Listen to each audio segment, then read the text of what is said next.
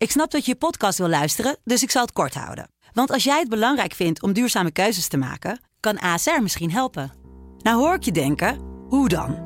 Nou, bijvoorbeeld bij het duurzaam herstellen van schade. Of de premies die we beleggen volgens ons duurzaam beleggingsbeleid. Dat bepaalt waar we wel en juist niet in investeren. Wil je meer weten over welke duurzame keuzes ASR maakt? Ga dan naar asr.nl slash duurzame keuzes. ASR doet het. Zo, dan kan je nu lekker naar je podcast luisteren. In deze podcast van de Telegraaf elke dag het belangrijkste coronanieuws op een rij. De cijfers en de feiten met thuiswerkers Pim CD en Kamran Oela. Dinsdagavond 24 maart 2020. Goeiedag. Het is de dag dat koning Willem-Alexander de GGD bezocht in Brabant en eh, premier Rutte een bezoek bracht aan het Erasmus MC. Ook werd op deze dinsdag bekend dat de centrale eindexamens niet doorgaan. Supermarkten die zijn eh, deze dag striktere regels gaan hanteren en de hoop op een medicijn groeit. Maar nu eerst de cijfers. U hoort ze van Telegraafcollega Pim CD. Er zijn in het afgelopen etmaal 63 mensen overleden aan het coronavirus. Dat is het hoogste aantal in een dag tot nu toe. Het totaal aantal dodelijke slachtoffers 276. De leeftijd van de overledenen tussen de 55 en 97 jaar. Het RIVM meldt dat er 811 nieuwe besmettingen zijn geconstateerd en daarmee komt het aantal positief geteste mensen op 5560. Volgens het RIVM zeggen de schommelingen niks over de maatregelen die half maart zijn ingesteld. Het effect daarvan wordt eind deze week of begin volgende week verwacht. Oef, die uh, stemmen droevig. Hopen dat de stijging niet doorzet. Ondertussen worden steeds meer maatregelen genomen. Minister uh, Arie Slob die maakte dinsdagochtend bekend dat de centrale eindexamens voor het eerst sinds 1945 niet doorgaan. Leerlingen krijgen bij voldoende afronding van het examenjaar een volwaardig diploma om de overstap ook naar het vervolgonderwijs te kunnen maken. De eindcijfers zullen bepaald worden op basis van de resultaten van het schoolexamen. Het gaat om de centrale examens in het VMBO, HAVO en VWO, voor de duidelijkheid. Die worden meestal afgenomen in grote zalen vol met leerlingen. En het zou begin mee gaan gebeuren voor meer dan 200.000 scholieren. En het is te riskant in deze coronatijden, vindt minister Slop van Onderwijs. Ook zijn er leerlingen en leraren uitgevallen, waardoor de druk alleen maar is toegenomen. Alleen de schoolexamens bepalen nu of de leerlingen hun diploma halen of niet. Tom die was bezig met zijn examenjaar op het VWO, Jentel op de HAVO. Ze houden hier een dubbel gevoel aan over. Uh, dat komt omdat ik vorig jaar op 0,05 ben gezakt. Dus ik wilde eigenlijk heel graag uh, bewijzen dat ik dit jaar wel gewoon uh, goed kon afsluiten. Maar aan de andere kant ben ik ook wel gewoon heel blij dat de eindexamens niet doorgaan. Omdat natuurlijk door alle corona en zo is er heel veel stress en heel veel onduidelijkheden. Ook rondom de essays nog steeds. Ben ik gewoon heel blij dat dat stukje stress gewoon wegvalt. Uh, en ik heb het voordeel dat ik er wel gewoon goed voor sta. Um, maar ja, het is natuurlijk gewoon heel dubbel. Omdat ik voor mijn gevoel nu het jaar een beetje heb weggegooid. Dus ja, het, zorgt eigenlijk voor heel veel onzekerheid. En ja, het, komen gewoon heel veel vragen. Um, wat gebeurt er dan met die schoolexamens die ik bijvoorbeeld gisteren heb gemaakt? Maar ja, we hopen dus hier snel meer zekerheid van te krijgen. Maar het is zo wel een hele bombshell als je dit zo van het een op andere moment hoort. Normaal tellen de schoolexamens dus voor de helft mee en het centrale examen telt dan voor die andere helft. En nu gaat het dus alleen om die schoolexamens. Nou, veel leerlingen hebben al veel van die examens gehad en scholen kunnen de overige examens tot begin juni afnemen.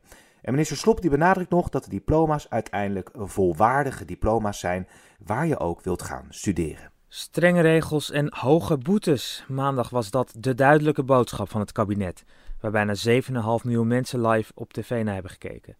De zogenaamde essentiële winkels die bijdragen aan de voedselketen, die nemen naar aanleiding van de nieuwe regels serieuze maatregelen. Pim CD die vertelt daarover. Maandag klonk in onze podcast ook nog de noodkreet van vakbond CNV over het gedrag van mensen in supermarkten. Anderhalve meter afstand bewaren, het lukte velen gewoon niet. En die afstand werd ook niet bewaard tot het personeel. Vakkenvullers zouden zomaar superverspreiders van het coronavirus kunnen worden. Zo was de vrees. Vandaag komen supermarkten daarom met aanvullende maatregelen. Het aantal klanten dat tegelijkertijd naar binnen mag wordt beperkt. Eén klant per 10 vierkante meter. Dat klinkt misschien wat abstract, maar om makkelijker afstand te houden, moeten klanten winkelwagens gebruiken, als die er zijn. En er wordt bij ingangen gecontroleerd. Ook de Action en de HEMA komen met een strenger deurbeleid. Bij de HEMA mag je nog met maximaal twee tegelijk naar binnen. Ja, en steeds meer mensen die dragen hun steentje bij in het voorkomen van de verdere verspreiding van het coronavirus. Tegelijkertijd wordt er ook hard gewerkt aan de ontwikkeling van een eh, vaccin of een eh, medicijn. Pim. Over de hele wereld worden op dit moment tientallen vaccins ontwikkeld. Maar het kan helaas lang duren voordat ze ook echt beschikbaar zijn. Dat weet telegraafverslaggever Sil van Schoonhoven. Vaccins hebben een lange aanlooptijd. Uh, experts hebben het toch wel over een maand of 18 op zijn minst. En dan zijn de procedures, die zijn dan al ingekort eigenlijk. Met het argument van noodbreekt wet. Maar die nou, 12 tot 18 maanden zit je toch zeker wel aan. Dus dat gaat nog even duren. Op het moment dat je een vaccin hebt, kun je natuurlijk uh, de hele wereldbevolking in feite inenten. En dan kun je het uh, gevaar definitief bezweren. Nou, tot die tijd zijn er ook nog andere mogelijkheden. Je kunt namelijk gewoon de ziekteverschijnselen bestrijden. En je kunt ook proberen om de ziekte wat minder ernstig te laten zijn, waardoor dus niet al die mensen ziekenhuishulp nodig hebben, laat staan op de intensive care terechtkomen. En dat zou eh, in normale omstandigheden zou dat een eh, heel bescheiden resultaat zijn. Maar bij deze ziekte zou dat eigenlijk al het ei van Columbus zijn. Want daarmee voorkom je dus dat die ziekenhuizen en de intensive cares overspoeld raken door patiënten. En daarmee heb je dan de angel toch wel grotendeels uit het probleem gehaald. Groot onderzoek in Nederlandse ziekenhuizen moet snel aantonen welke medicijnen daadwerkelijk helpen. Daarbij wordt ook gekeken naar bestaande medicijnen. Mogelijk is bijvoorbeeld een HIV-medicijncombinatie effectief. En er gaan ook geluiden dat malariapillen een preventieve werking zouden hebben. Maar eerst een snel testen, dat is waar nu keihard aan wordt gewerkt. 600 Nederlandse coronapatiënten gaan naar verwachting ook meedoen aan een Europees onderzoek. Het aantal patiënten met het coronavirus op de intensive care afdelingen van onze ziekenhuizen is inmiddels gestegen naar 492. Volgens minister De Jonge van Volksgezondheid kan het aantal IC-bedden uiteindelijk naar 1500 worden opgeschaald. Dan de mondkapjes. Het is bekend dat er een enorme vraag naar is. Een man en een vrouw van allebei 29 jaar uit Dordrecht probeerden daar misbruik van te maken en een ziekenhuis op te lichten. Ze boden een partij aan waarvoor tientallen miljoenen euro's moest worden betaald, maar die voorraad die bestond niet eens. Ze zijn inmiddels opgepakt en worden verhoord. Overigens is de criminaliteit door de corona-uitbraak gedaald. De politie krijgt minder meldingen van zakkenrollerij, fietsendiefstal en woninginbraak.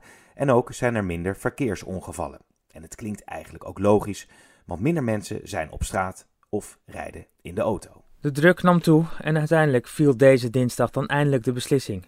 De Olympische Spelen worden een jaar uitgesteld. Meerdere landen hadden al om uitstel gevraagd, Kamran. En nu is het definitief. De Olympische Spelen in Tokio deze zomer gaan niet door en worden uitgesteld tot de zomer van 2021. IOC-baas Bach en de Japanse premier Abe zijn het daarover eens geworden. Het is voor het eerst in de 124-jarige geschiedenis van de Spelen dat het grootste sportevenement ter wereld wordt uitgesteld. In de Eerste en Tweede Wereldoorlog werden de Spelen wel drie keer afgelast. Sportverslaggever van onze krant, Willem Held. Nou, over het algemeen is er gewoon alle begrip en er is ook opluchting. Weet je, er is ook wel teleurstelling natuurlijk, want ze hebben hier uh, jaren naartoe gewerkt en ze wilden pieken in de zomer uh, van uh, 2020. Maar um, ze zaten de afgelopen weken in de spagaat, want ze wilden trainen. Uh, ze wilden dat programma wat ze uitgestippeld hadden om in topvorm te komen, wilden ze gewoon uitvoeren. Maar ze mochten niet trainen, want ze mochten niet meer op Papendal trainen. Ze mochten niet meer in groepjes wielrennen. Dus uh, ja, dat is heel erg moeilijk voor sporters. Dus ze wilden duidelijkheid. Die is er nu en um, er wordt al vrij snel gereageerd van oké, dan gaan we, er in, uh, gaan we er volgend jaar wat van maken en dan gaan we volgend jaar pieken. Dan is het natuurlijk de vraag wat er met het betaald voetbal gaat gebeuren. De KVB is er nog niet uit. In elk geval is er tot 6 april geen betaald en geen amateurvoetbal. En daarna zijn er volgens de KVB drie scenario's. De competitie wordt uitgespeeld voor 30 juni als het moet zonder publiek. De competitie wordt uitgespeeld na 30 juni afhankelijk weer van de plannen van de UEFA. Of de competitie wordt helemaal niet uitgespeeld. Ja, wat dat dan weer betekent, is nog niet duidelijk, wordt dus vervolgd. Het is wel duidelijk dat de Fanny Blankers Koen Games niet doorgaan. Het atletiek evenement stond gepland op 1 juni in Hengelo, maar is dus geschrapt. Ook het paasspektakel in de openlucht, de Passion, zal niet doorgaan. Het stond op 9 april gepland in Roermond. Er is nog gekeken naar alternatieven zonder publiek maar de gemeente heeft het nu gecanceld. Dan onze dagelijkse blik over de grenzen. India is in lockdown gegaan. 1,3 miljard mensen moeten binnenblijven. Wie dat niet doet, die wacht de schandpaal. En in het uh, Verenigd Koninkrijk leken forensen dinsdagochtend lak te hebben aan de nieuwe, strengere maatregelen. De metro's die zaten overvol. Ondertussen maakt de Wereldgezondheidsorganisatie WHO zich grote zorgen over de ontwikkelingen in de Verenigde Staten. Pim die weet daar meer over. Volgens de WHO zou Amerika de nieuwe grootste besmettingshaard kunnen worden.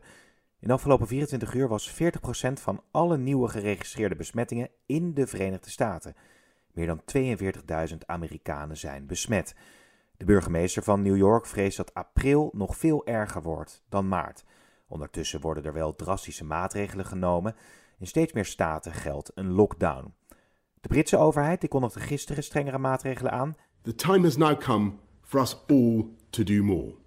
You must stay at home. Meer winkels gaan dicht en je mag alleen het huis uit als het echt niet anders kan. Maar in de Londense metro's was hier weinig van terug te zien, vertelt correspondent Joost van Mierlo. De onduidelijkheid is groot.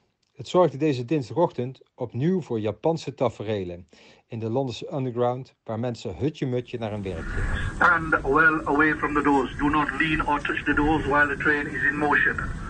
Well away from the doors. Volgens de metrogangers wordt het veroorzaakt door een gebrek aan treinen.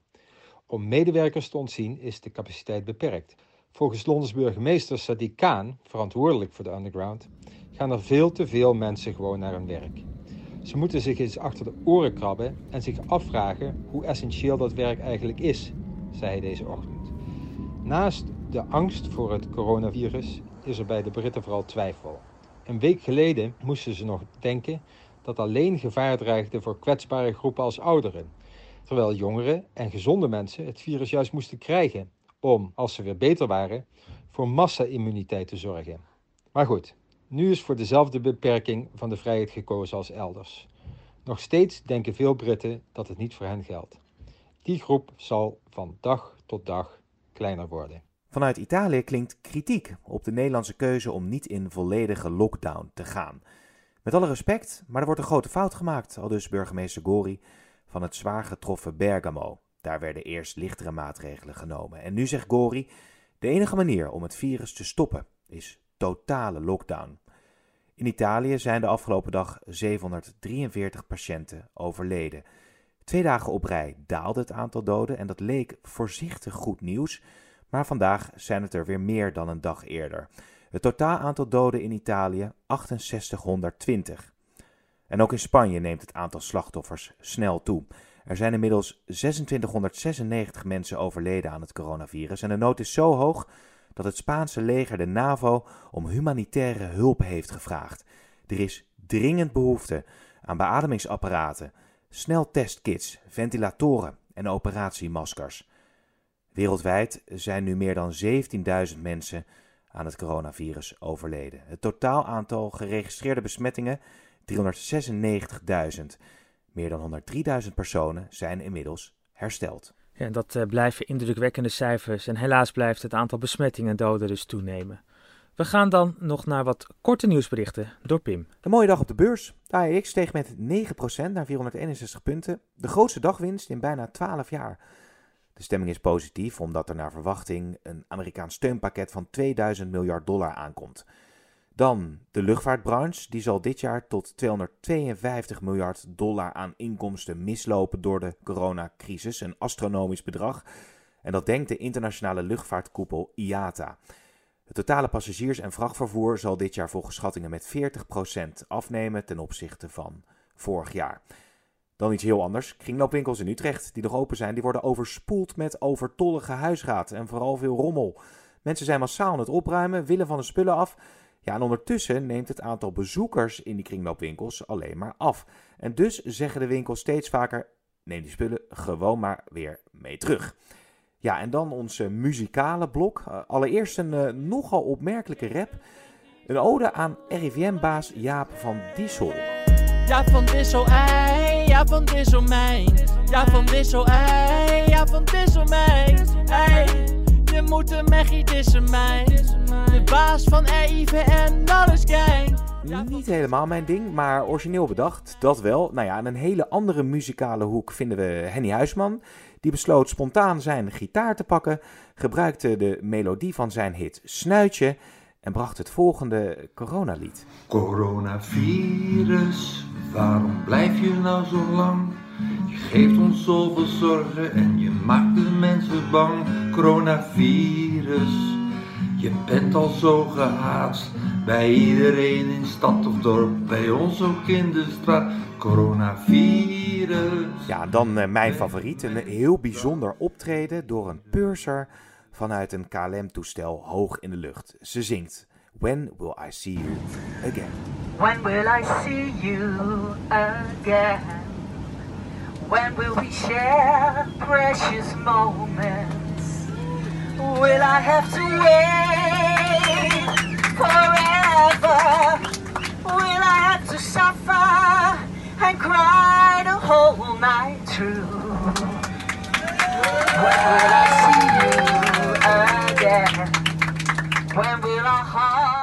Wauw, dat zorgt niet alleen voor kippenvel bij de passagiers, maar ook hier in uh, de podcast thuisstudio.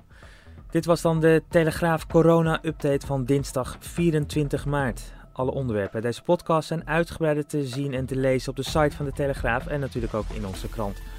Wat ons betreft tot morgen en u weet het, blijf gezond en houdt u zich aan de instructies van de overheid.